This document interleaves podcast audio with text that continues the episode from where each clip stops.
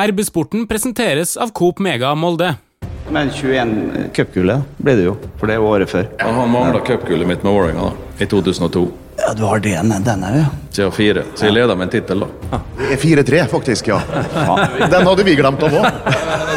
Feil i fasiten. Feil i fasit.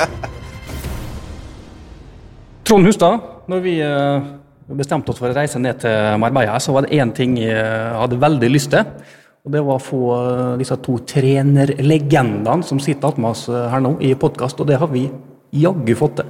Ja, vi spurte, og begge to svarte ja med en gang. Så det er vi veldig glad for. Velkommen, Erling Moe Tusen takk. og Kjetil Lekdal. Velkommen. Takk for det. Vi sitter her på hotell Atalaya Park. Vi skulle jo egentlig møtes en annen plass, men eh, så ble det litt endring i planene her. Ja, vi skifta hotell. Eh, Det var litt shabby mat. Spillerne var misfornøyde. Ikke spiste sulten, eller ikke spiste mett, heter det vel. Og da ble det en del eh, organisering av å finne et nytt hotell, så nå har vi kommet på en annen plass, og det er enda bedre, faktisk. Du har bodd her før, du, Erling? Ja, vi var i fjor. De har eh, truffet blink her, vil jeg tro. Det er ikke sånn at eh, de skal gå sultne her? Nei, det tror jeg ikke. Det var ok når vi var i fjor, og så ligger jo treningsanlegget rett ved siden av, så det er jo i gangavstand. Så det ligger noe fint til rette for at det skal bli noen fine dager for dem òg. Men på treninga tidligere i dag så hørte jeg nøye at eh, Molde hadde vært misfornøyd med maten her. Ja, men jeg tenkte jeg skulle ikke prate om det nå. Det ser, ikke, det- ser ikke sånn ut på Elling, iallfall. Her kom en sånn stikkende kommentar. Traff traff i sted. Nei, men det er jo sånn eh, Jeg skal prøve å ikke sende den tilbake med en gang. Men Hvordan er livet på, på treningsleir i eh, Marbella? da? Det er jo ofte veldig hektiske dager. Da, da er vi jo eh, mange som er på samme lokasjon. For en, en hovedtrener så er det ofte de mest hektiske ukene i året. For da er det møter, og det er dere kommer og maser og, og slike ting òg. Så det er ofte lange dager. 22 poeng var dere foran Rosenborg i fjor. Litt av et gap. Ja, det ble det i fjor. Når en har sånne type gap, da, så skulle en ønske at det gikk an å, føre det over til et nytt et, men eh, sånn er det jo eh, ikke. Så jeg forventa jo det at det blir en eh, tøffere kamp om eh, de edle metallene i år enn hva det var i, i fjor. For eh, da fikk vi jo ei reise som ble behagelig for oss etter hvert, da. Men sånn er det ofte når du er i flytsonen. Nå er det jo null poeng i forskjell når dere går inn i sesongen, her, men eh, er det likevel liksom noe som skal tettes der mellom Molde og Rosenborg for at dere skal være helt der oppe? Ja, altså jeg tror jo stabilitet, da. Altså, hadde, jeg tror nok det at når vi var på vårt beste i fjor eh, utover eh, sesongen, så var vi på høyde med toppnivået til Molde. Men vi hadde for mange dumper. Vi hadde en dårlig start. Vi hadde vært 10, eller 14 poeng på de første ti kampene. Nå er jo allerede minst 6-7 poeng bak et potensielt gullskjema på litt over 60. Og når Molde vinner 17 kamper på rad, så er det jo ekstremt vanskelig å konkurrere mot, for det, det skjer ikke ofte. Bodø-Glimt hadde vel en sesong eh, noe lignende for et par år siden. Og så var det Molde som hadde det i fjor. Så normalt sett så ender jo et seriegull på 63, 64, 65, kanskje 66 poeng. Det er vel håpet vårt, da. At ikke det gapet som var 22 poeng i fjor, skal være like stort i, i løpet av sesongen. Vi så eh, på tabellen fra i fjor, så dere skårte nesten like mange mål. Så det er vel enkelt å si at det er det defensive som er forskjellen på laget, eller? Ja, det var iallfall ganske spennende å følge oss en del kamper. Det var 4-4 der, og 5-2, og 4-3, og 4-2, og 3-2-seier, tror jeg, og et 3-2-tap. Så det var mye mål i kampene våre etter hvert. Men det, det er jo litt eh, det kravene som ligger over oss, da. Det er ikke alltid nok å vinne. Vi skal også underholde i tillegg, så, og da blir det kanskje litt mer åpent enn du setter pris på noen ganger. og da er du litt sårbar og, og kanskje ikke smart nok, eh, voksen nok eh, til å stenge av når du skal stenge av. Eh, der er kanskje forskjellen. Jeg vet, Molde hadde vel en haug med ettmålseiere. En del vanskelige bortekamper som vant 1-0, men jeg husker. Lillestrøm borte, Tromsø borte, Haugesund borte på slutten av sesongen. Holdt null mot oss på Lerkendal, så Molde var vanskelig å skåre mål på. Så, men offensivt så tror jeg ikke at det var så store forskjeller på lagene når du kom fra sommeren og ut. Men nå er jo Veton Berisha på plass, Erling. Det blir kanon. Det tror jeg det er mange som gruer seg på å møte òg. De kjenner til en. Så vi har jo aldri vært noe sånn veldig presslag høyt i banen og sånne ting. Så jeg tror nok da at vi kan få en ny dimensjon eh, med han inn òg. Det gleder vi oss til. Ja, for hva er annerledes eh, i år, årets Molde, da, sammenlignet med i fjor? Det er vel litt tidlig å begynne å utbansumere det, men vi håper jo det at vi eh, skal fortsette å utvikle laget uten ball, sånn at vi, eh, vi kommer høyere i presset flere og oftere ganger. Så er det jo mye å rette på. Altså, vi, jo, vi er jo vant til å skåre mye mål. Rosenborg var vel oppe på noenlunde samme antall i år, i fjor, men vi har jo skåret så mye mål bestandig, så vi vet jo eh, at vi er sterke der. Men skal du vinne noe, så må du under 30 eh, mål eh, for å vinne ligaen. Så det er liksom ekstremt viktig å klare å, å holde på den defensive basen vår. Ble litt mer kynisk i fjor, Molde, rett og slett? Trond? Ble veldig mye mer kynisk. Nei, og, det, det, er feil. Det, det ble en bedre balanse. Ja. Se på antall skåra mål og, og, sånne ting. Og så hadde vi vel kanskje ikke like mye possession, men det, det er ikke possession som vinner oss kamper heller. Så det er en bedre balanse i det. Jo da, men den balansen blir jo bedre fordi at dere er mer kyniske helt fra sesongoppkjøringa starter. Nei, det er jeg uenig Kjetil, hva du syns? Ja, der er Journalister har ikke peiling på fotball. De har fasiten etter kampene er spilt, så Nei, men altså Fotball består av to ting. Enten så er det i forsvar eller så er det i angrep. Så det å utøve seg to tingene på best mulig måte i en god sammenheng, det gir de beste resultatene. Så det, noen ganger så må du stenge døra, noen ganger så må du kaste på køl. Så sånn er, sånn er det bare. Så skal du få et spørsmål som du ikke har lyst til å svare på.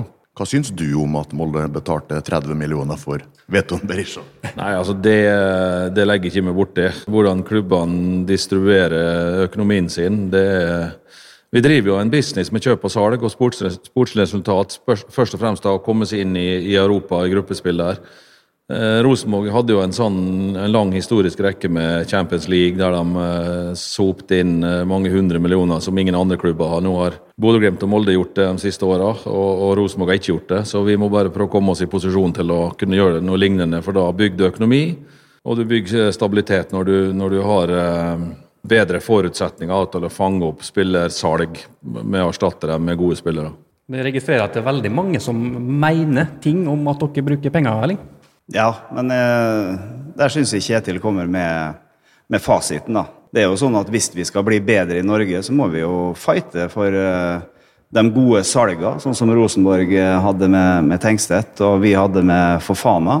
Sånn at det kommer mer penger inn i norsk fotball. Sånn at vi igjen er i stand til å investere i nye spillere. Når en har holdt på med dette litt, så, så vet en jo det at det er lettere å få tak i det en ønsker hvis en har litt penger, enn hvis en ikke har. Altså, Sjansene er større for å lykkes hvis du bruker litt mer penger. Og så kan en jo selvfølgelig være veldig dyktig på andre måter, men eh, det må jo være et mål om det at det skal komme mer penger inn i norsk fotball, så vi blir enda mer konkurransedyktige i Europa dette spillermarkedet nå, når alle andre klubber vet at dere har solgt uh, Fofana for masse penger, Rosenborg solgt Tengstedt for, for, masse penger.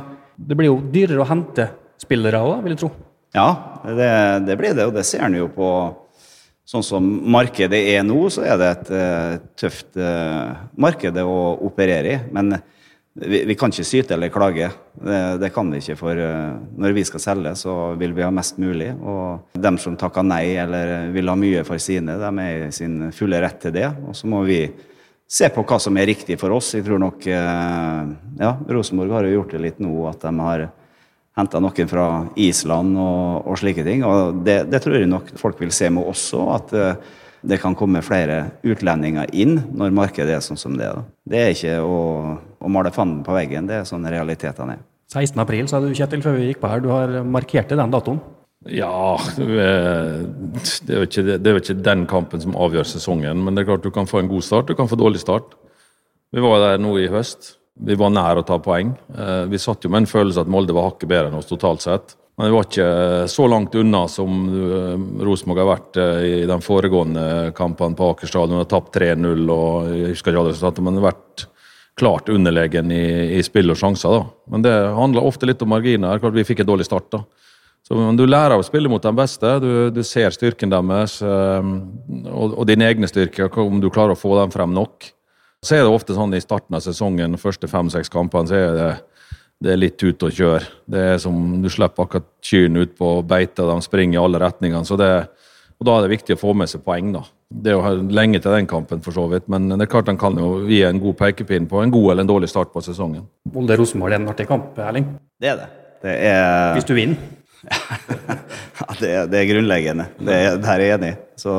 men det er bestandig artige kamper. Eh, det ser ut som det betyr eh, ekstremt mye for eh, dem som bor i og rundt Molde, og det betyr òg mye for dem som kommer oppe fra, fra Trondheim. Så jeg liker jo sånne typer oppgjør. Det er litt fyring, og det er litt prestisje i det. Og det ser en jo på at folk kommer og, og kikker på matchene matcher nå. Så det ligger en del eh, prestisje i å kunne få skryte om at de vant den siste der for eh, dem rundt oss spesielt. Det er litt annerledes for oss trenere, men eh, vi ønsker jo å gi dem det vi kan. Er det ikke litt viktig liksom, å dyrke dette rivaleriet også, altså, også for dere trenere? Liksom, at det er jo et underholdningsprodukt dette her som dere skal selge? Jo, selvsagt er det det. Eh, Men det er jo ikke sånn, altså, jeg, tror alle trenere har respekt for hverandre. Vi vet den bransjen her er utrolig lite som skiller mellom tap og seier. Eh, Og så må vi ikke bli så hårsåre at vi ikke tåler at vi kan eh, hive ut noen humoristiske meldinger. Jeg kødda litt med Molde med tilskuertallene, og det, det stemmer jo. Det, sånn det var jo ikke i nærheten av like mye folk som på Molde-Rosenborg resten av sesongen. Og det er jo bra, for det, det kan jo trigge. Jeg tror dem som var der den kvelden, som det heier på Molde, får lyst til å komme tilbake. For det var en, sikkert en bra opplevelse for dem. En spennende kamp som levde helt inn. Og så ble det en knepen hjemmeseier. Eh, Vi hadde jo samme følelse når vi hadde Bodø-Glimt på besøk. Full stadion. Klarte å vinne på slutten 3-2. eh, Og da var det, det tok fyr i Trondheim, for det, liksom, det var som i gamle dager. Og du trenger sånne opplevelser da, for å få um, interessen til å øke og få folk på stadion. For det er jo det som er mest inspirerende for oss å holde på med, at vi blir sett. Og at vi kan eh, gi eh, gode opplevelser til publikummet, og, og de sitter helt fremme på stolen til kampen er ferdig. Det er det fotball handler om. Spenning, dramatikk. Eh, intenst fra første spark på ballen til kampen er over. Og så kan jeg slenge en tilbake at det var ganske skrinto på Lerkendal i fjor i forhold til hva det har vært. Hei, Hilde her, fra Coop Mega Molde. Og at Coop Mega Molde finner du alt du trenger til både hverdag og fest. Kom og la deg friste av den lengste ferskvaredisken i Romsdal. Du finner også et stort og bredt utvalg mat fra lokale produsenter. Velkommen til Coop Mega Molde. Du har stått på begge sider av dette rivaleriet her, Kjetil. Er det noe forskjell, på en måte, eller er det likt? Ja, forskjell. Det er, jo, det er jo ingen plasser det er likt, da, selvfølgelig.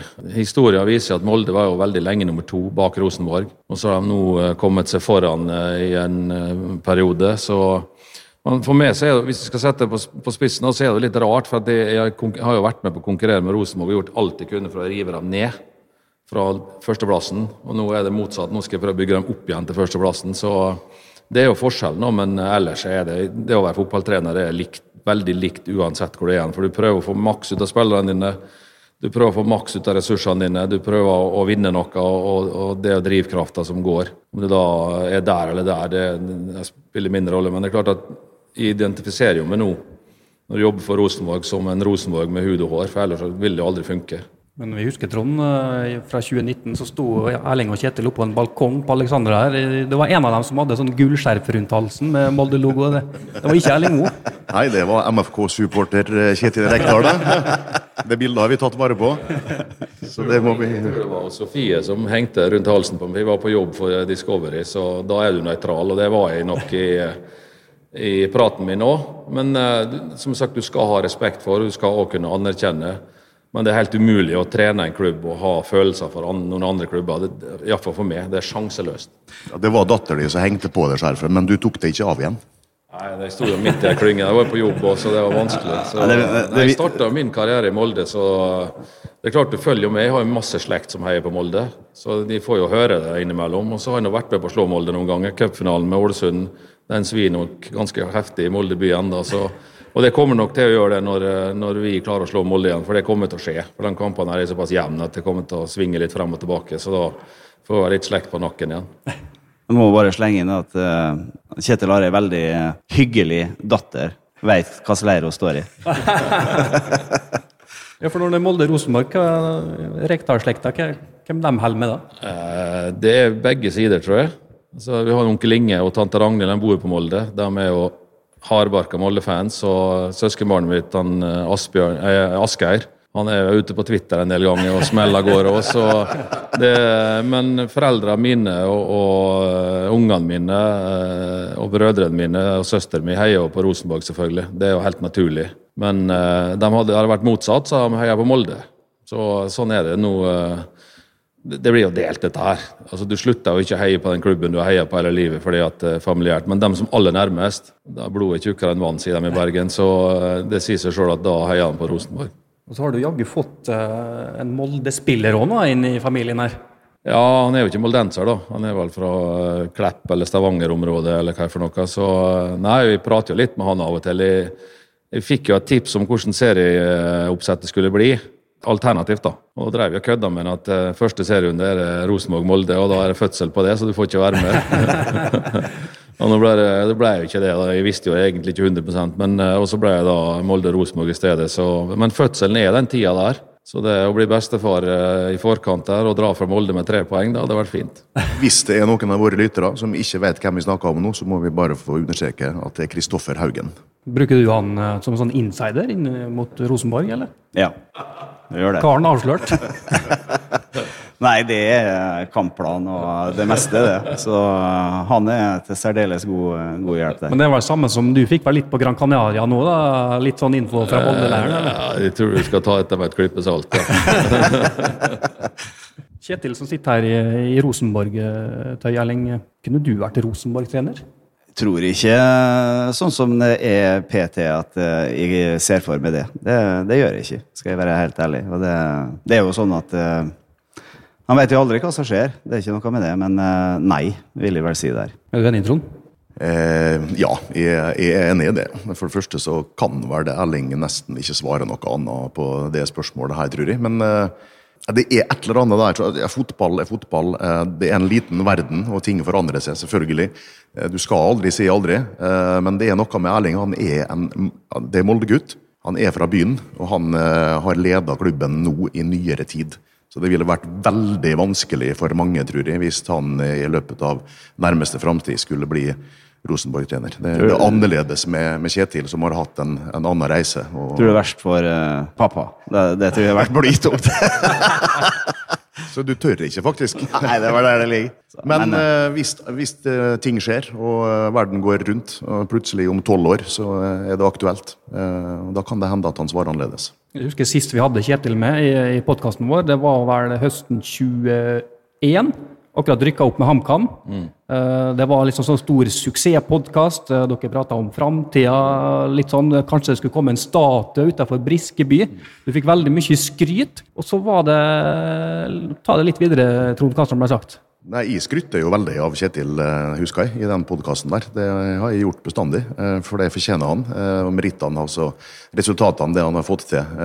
Ofte med lag som har slått litt oppover, som han har sagt mange ganger sjøl. Nå, nå, er det annerledes, for nå har han kommet til en, en vinnerklubb der det ligger mer til rette. Men, men det, er ikke, det, er ikke, noe enklere. Altså, det, det, er viktig å huske på når det er i det yrket som, som, vi er i. Så liksom uh, han Det vet en Kjetil òg. Liksom uh, det er knalltøft om samme hvilken klubb du er i, så vil du utrette noe. Så det er liksom at han er i Rosenborg, og hvis han da klarer å vinne noe, så er det ikke en mindre prestasjon for det. Det, det, er kanskje en større enn, spør du meg. For det, det er en stor prestasjon, det å med, med, tanke på den jobben han har tatt nå, det å få vende skuta litt. For det, det er jo det han brukte litt av fjoråret til. Der og da så snakka vi vel om HamKam, da, det som han hadde oppnådd der. Og Det var vel da jeg sa at han, uh, hvis det kan stå ei, ei statue i Ålesund til ære for Jon Arne Riise, som heter fotballspilleren, så syns de at de kunne bygge ei sånn ei på Hamar, da. Uh, på Briskeby, som heter Fotballtreneren. Det var vel det som var utgangspunktet. Ja. Og så lovte jeg vel at hvis du ble Rosenborg-trener, så skulle jeg dra ned og tagge ned den statua. Men den har ikke blitt bygd, så jeg slipper unna den. Den blir ikke bygd heller, den. ikke nå. Nei, nei. Og Erling han kan vel ikke bli, bli Rosenborg-trener, for det, det, det, er jo allerede en Erling Moe i Trondheim. En politiker. Ja, Kjenner du til han? Jeg kjenner ikke til han, nei. det gjør jeg ikke. Du har intervjua den andre Erling Moe. Ja, jeg kjenner til han. Jeg husker vi fikk et tips om dette for noen år siden, så jeg ringte til han. Eh, Og han kunne fortelle at han var meget lei av å bli oppringt og få eh, sinte tekstmeldinger fra, eh, fra folk. Nei, jeg har fått, fått det fra en mens Ja, det er jo en politimann i Bergen som heter Kjetil Rekdal, faktisk. Så han nå har uttalt seg at han var ganske lei av å bli oppringt. Men det var en lege i Molde en gang som heter Erling Moe. Han ringte til meg. og Han var irritert. Det var han. altså. Skal vi si Hagseth er det imellom Ja, der? Skal vi begynne kanskje å legge til det, da? Ja, det ligger jo der, det. Hei, Hilde her, fra Coop Mega Molde. Kom innom og se vårt store og brede utvalg av mat fra lokale produsenter. Vi har også gavepakker til den som har alt. Velkommen til Coop Mega Molde. Trond, du, du har til og med forberedt en eh, quiz til disse to karene her, Ja, som vi gleder meg til. Forberedt og forberedt en veldig kort og enkel quiz, men eh, Erling skal få tre spørsmål om eh, Kjetil, og Kjetil skal få tre spørsmål om eh, Erling. Erling, Ja. hvor gammel er Kjetil Rekdal? O 54. Og hvor, I år. og hvor gammel er Erling Moe? Han er litt yngre. 52, tenker jeg. Får vi ikke Ja, det var to, to riktige svar. Imponerende. Hvor mange titler har Kjetil Rekdal i Norge som hovedtrener? Eh, Vålerenga, seriemesterskap. To cupgull med Ålesund. Årstall? Eh, ja, den ene husker jeg nå. Det er bra sikkert. Det er 2009 cup. Så tror jeg det var 2011. Litt usikker på den siste, men jeg tippa det. Og så var det vel i 2005, seriemesterskapet. Og Kjetil, hvor mange titler har Erling tatt som hovedtrener? Eh, skal vi se. eh, Seriegull i 20 Bodø-Glimt var 19 og 20, Molde 21. 22. Eh, 2018, eh, vel. Og så i 2021 seriegull. Og så har han et cupgull også i 2021. Jeg tror det er tre. Ja, det er riktig antall på eh, begge to. Men Erling traff bedre på årstallene. 19 og 22. 22. Ja, da, ja. Men du ligger bare ett år bak skjemaet. Men 21 cupgullet ble det jo. For det var året før. Ja, han mangla cupgullet mitt med Vålerenga da, i 2002. Ja, du har den, den òg, ja. Så jeg har fire. Så jeg leder med en tittel, da. Det er 4-3, faktisk, ja. Den hadde vi glemt av òg. Feil i fasiten. Feil i fasit. Siste spørsmål. Hva er Kjetil sitt eh, favorittlag? Leeds. Og Erling Moe? Åh, det er ikke Leeds. Det er, jeg tror det er et London-lag. Jeg tipper på Arsenal. Det er Coventry. Coventry. Men jeg syns det er stas at det er noen som heier på lag Dette er jo fra gammelt av, selvfølgelig. Du har jo en Jon Vik med Stoke. Stokke Industrier, som jeg kaller dem. Så, han har det vondt, altså. ja, han har det. Så, men det hadde jeg jo i mange år med Leeds. da. Så det, nei, og Nottingham er noen som heier på. Så det er Burnley og Nei, det kommer jo opp igjen eh, til slutt, da. Så Middlesbrough og Sunderland er vel noen som heier på. Så det Queens Park de kjenner. Så ja, nei, det er mange som har det tøft.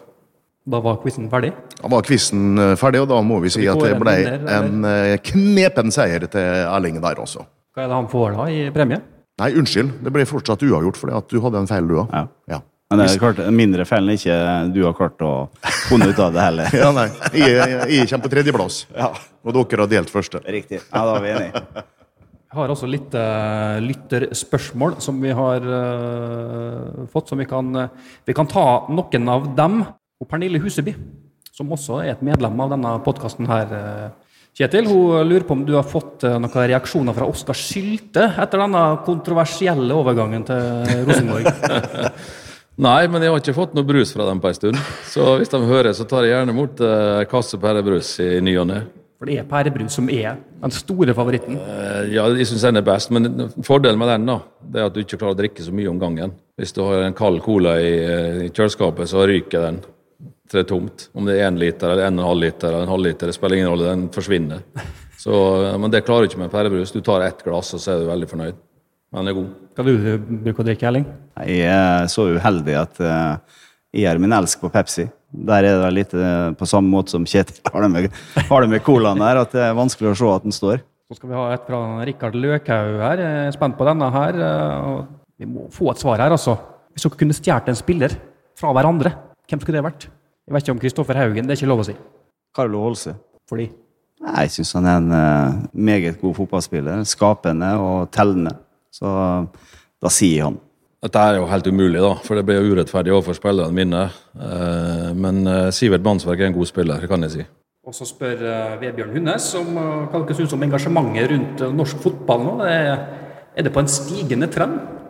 Jeg tror det. Eh, Jeg er ganske så overbevist om det at når rettighetene har kommet til, til TV 2 igjen nå, og vi får daglige sendinger og rapporter fra forskjellige leirer, og at de eh, fyrer litt inn mot eh, kampene og sånne ting, så tror jeg det eh, vil være til stor hjelp sammen med de tiltakene klubbene gjør. Så tror jeg at vi er på vei oppover, det tror jeg, og det tror jeg sesongen blir godt, en god indikasjon på. Ja, jeg er enig i det. Og så tror jeg det blir en jevnere liga enn mange innbiller seg. Hvis du setter ned og ser på terminlista, og så ser du at du skal til Bergen, du skal til Molde, du skal til Bodø, til Tromsø, du skal til Intility, du skal til Sarpsborg, du skal til Stavanger.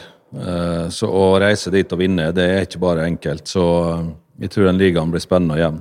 De fleste tipper jo dere som ett av tre topplag. da, Så er det jo Bodø-Glimt som blir en slags sånn felles fiende nå da, for deres del. og der, De har en brei tropp. Ja, jeg har ikke fin, finstudert den, jeg, så, men eh, som Kjetil er inne på i stad altså, Vi får velge sånn som eh, vi ønsker, og så får vi syte for oss sjøl. Det er det viktigste oppi det. og Jeg er ikke den eh, heller som liker å gå ut og kritisere hva andre gjør. Det, resultatet det er, ofte veldig klart og tydelig eh, i fotball. Det får vi når eh, sesongen er over. Så får vi heller eh, se hvem som eh, gjorde mest rett underveis. Frykter vi Bodø-Glimt litt? Tro?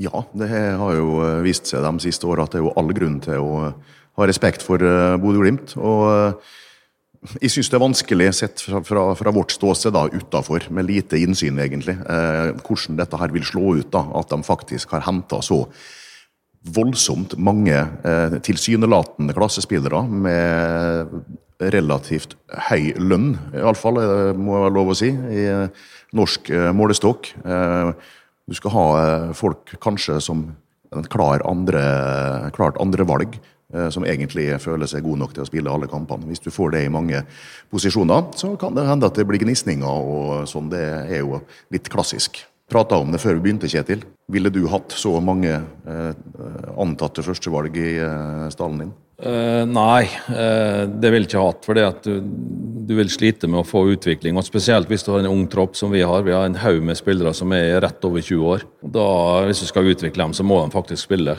Altså, Jeg hadde ikke tatt imot uh, så mange, nei, men jeg har selvfølgelig tatt imot mange av de spillerne vi har henta. For det er gode spillere vi har. og Bodø-Glimt har to sølv og to gull de siste fire åra. Så de har gjort mye rett. Så det blir vanskelig å sitte og kritisere dem for noe som helst. Så kan vi ta et nytt spørsmål fra, fra Vebjørn. og det Spørsmålet er hvem som er den beste spilleren eh, dere har trent? Skal jeg svare først der? Du kan gjerne ja. svare. Kan jeg bare få skyte inn, da? Men dette, dette har han Erling glemt. Men eh, jeg hadde han som trener så vidt på bylaget til Molde i 2005-2006 eller noe sånt. det, det, Ja. det stemmer, det. Men det, Bare i tilfelle du har glemt det, så bare nevner jeg det nå. eh, du kan si jeg har ikke glemt det. Men da kan jeg skyte inn at jeg hadde Kjetil som eh, trener to dager på gatecupen i 1987, når jeg var tatt ut på eh, elitelaget Siggen Rektor United. Men gatecupen, da prata vi. Det var, det var skikkelige greier. Hva skal svare på det? Det har vært eh, Hvis en skal si en spiller som eh, jeg har hatt, som har hatt eh, stor betydning i, i mange, på mange områder for eh, klubben, så, så er det nok eh, Magnus høyt der oppe. Det er kan si den som var best, som ikke fikk eh, nok ut av ferdighetene sine, Tobias Gran. Han hadde alt, men han brukte det ikke. Og så har jeg trent Steffen Iversen, jeg har trent Karsten, Kasper, ikke Karsten, Kasper Tengstedt eh, periode. Kjartansson eh, periode. Han skårte mål på alt. Ja, det, det må bli en av dem. Skal vi ta fra et spørsmål fra Jan Rangvald Eide, og kanskje. Det er til det, Kjetil, som da har rukket å vært eh, trener nå i litt forskjellige plasser. og Han spør om du merker noe forskjell på sånn treningskultur, fotballkultur, Romsdal mot Trøndelag? Nå må jeg være såpass ærlig å si jeg aner ikke hvilken treningshverdag Molde har. Det er helt umulig for meg å gi et uh, svar på. Det eneste jeg kan si, er at uh, den kulturen vi har nå, som vi har jobba med siden vi kom, den er bra. Vi ligger på et veldig høyt nivå på intensitet og mengde. Og vi har en del, som jeg sa i sted, vi har ganske mange unge spillere som er i utviklingsfase, som må òg ta disse tingene seriøst. Både med styrketrening og etterarbeid, ettertrening. Um, kosthold osv. Så, og så, videre. så eh, den kulturen må være profesjonell. Så Rikard Løkhaug som spør uh, hvordan dere har tenkt å matche unggutter. Hvordan dette er i en toppklubb? da? Et veldig godt spørsmål. Det det er ikke bestandig eh, like enkelt. Eh, men altså, du, du vet jo det at hvis du skal skape nye spillere av unge talent, så, så, må de få sjansen. De må få sjansen til å, å spille. Og mm, I fjor så, så vi det med Mathias Løvik f.eks. Når uh, de får nok spilletid, så, så, vokser de inn i det. Men uh, selvfølgelig så er det Må du se på hva slags tropp som er der til enhver tid. Det kan gjøre det lettere, det kan gjøre det vanskeligere. Så dette er ofte kompliserte ting. For vi vet jo hva premissene er i forhold til det å enten trene Rosenborg eller Molde. Det er, det er gull. Og da må du ha det med det, i det bildet òg. Eh, men han ser jo det at er du, er du tøff nok, så, så lykkes han eh, ofte òg. Nå har dere vært inne litt sånn på favorittlaget i England og, og sånn. og Jens Olav Mo eh, han spurte også hva som er deres drømmeklubb å trene. Utenom Rosenborg og Molde, da. Ja. Jeg, jeg, jo, jeg, har alltid hatt sans for Bayern München. Eh, den, jeg trodde jo da jeg tok over Kaiserslautern eh, at gjør jeg bra her nå, så kan det være en liten mulighet. Ikke stor, men liten. Så gikk ikke Kaiserslautern så bra av forskjellige årsaker. Så å få trent Bayern München nå tror jeg er veldig lite realistisk. Men på den andre så er det viktig at du er fornøyd der du er. Ellers leverer du ikke noe som helst. Så akkurat nå så er det for meg det største å trene Rosenborg, for det, det er det som er utgangspunktet til å, til å gjøre det bra. Da skal jeg glede en uh, god kompis sammen med han Erik Kirkevold og så si Newcastle. Pengene, da?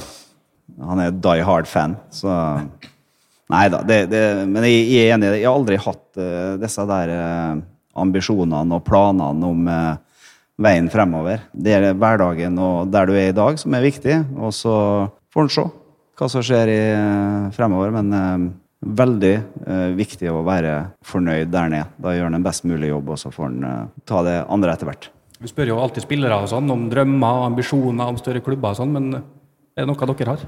Om å lede store klubber? Eh, jeg tror det viktigste er jeg har alltid, når jeg har vært trener når jeg var spiller, så kunne du tenke litt lenger fram. Som trener så tar jeg for min egen del én dag av gangen. Men for, for klubbens del så må du tenke lengre bilde. For det, du, eh, det, skjer så fort ting at du må forholde deg til. altså Det du trodde i går, det er annerledes i dag. Og du har såpass mange eh, ting du må forholde deg til. Spillere, foreldre, agenter, eh, sportssjef, administrasjon, daglig leder, supportere, media. Det er helt vilt hvor du må forholde deg til. Så det å tenke for langt fram som en trener tror jeg bare bortkasta energi. Jeg tror du skal ta en dag av gangen. Og så må du selvfølgelig, som jeg sa, jobbe i det langsiktige bildet for, for, klubben. For du er jo ansatt av en grunn. Og du er ansatt under bestemte kriterier som du skal levere. Så det er på en måte en plan du følger, og så tar du en dag av gangen for deg sjøl. Vi begynner å nærme oss eh, slutten, Trond. Skal vi driste oss til å tippe hvem som blir bli eh, vinner av Eliteserien i 2023? Ja, men eh, jeg tippa jo Molde.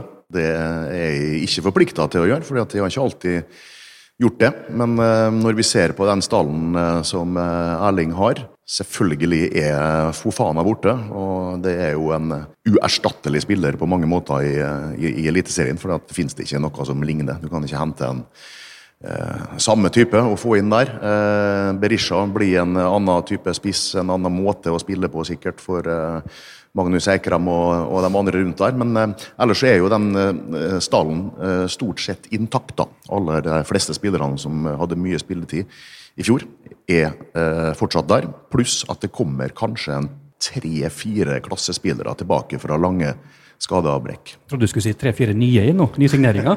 det, men det gjør det òg. jeg tror vi skal være med og, og fighte oppi der. Det er jo målet vårt. Og så tror jeg ikke det at uh, differansen kommer til å være sånn som den var i fjor. Det, det er nok unntaker. Så jeg tror på en tett og tøff liga neste år, og det, det tror jeg er bra for norsk fotball òg.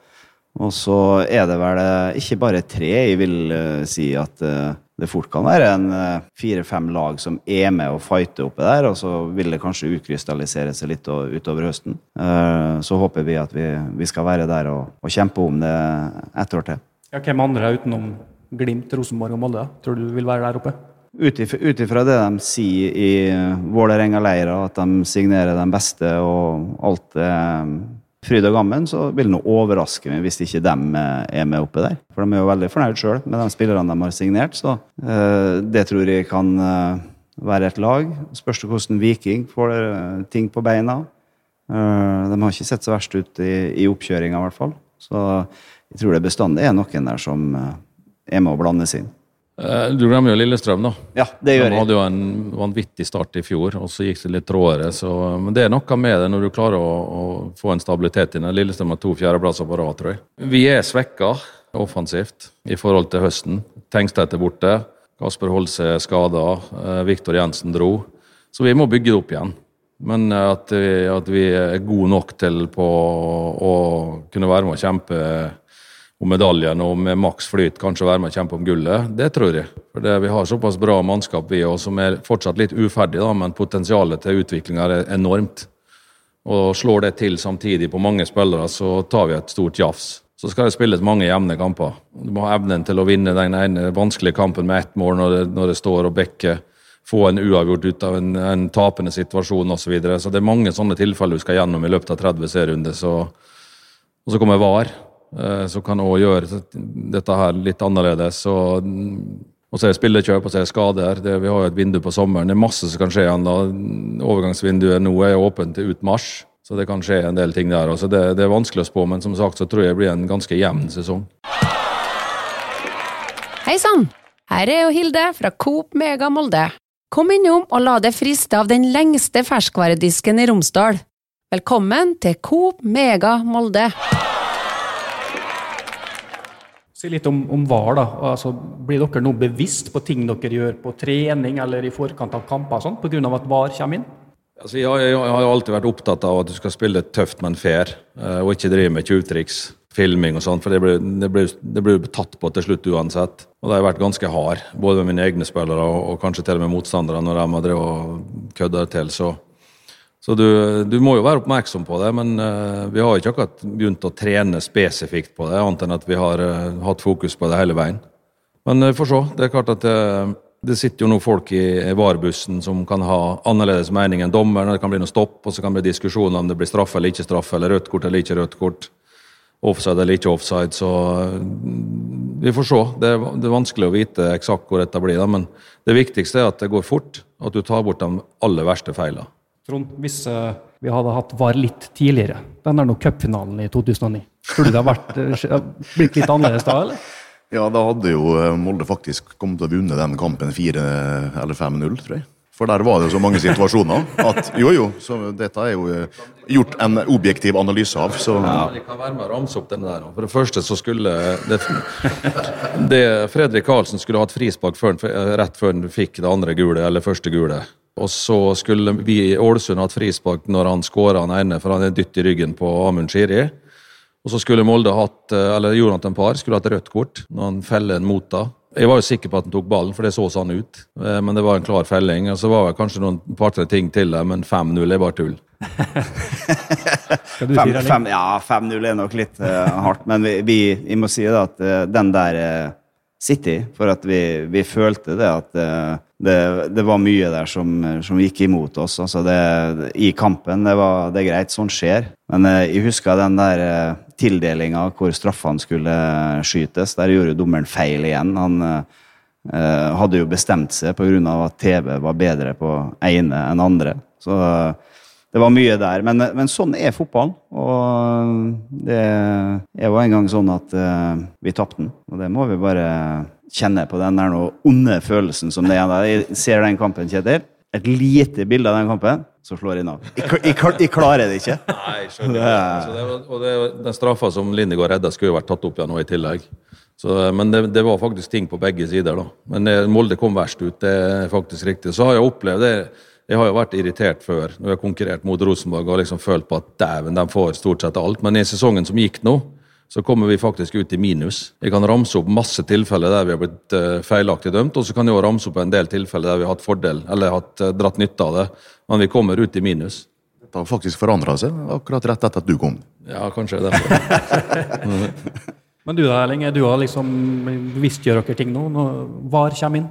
Ja, vi, altså det er, det er jo vanskelig å trene, kan du si, sånne spesifikke ting. Men det å være oppmerksom på det som foregår i boksene, det å ikke gjøre unødvendige nedrivinger og, og den biten der, det å ikke prøve å være lur og, og gjøre ting i det skjulte, sånne type ting, det har vi jo eh, prøvd og sett og håndtert i dømminga og sånn på treninga, sånn at vi i hvert fall er bevisst på det. For sånne ting kommer jo til å bli, bli tatt.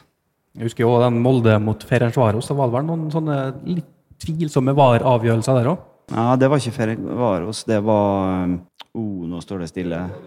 Året før. Nei, ikke Zagreb heller. Partisan? Partisan. Ja.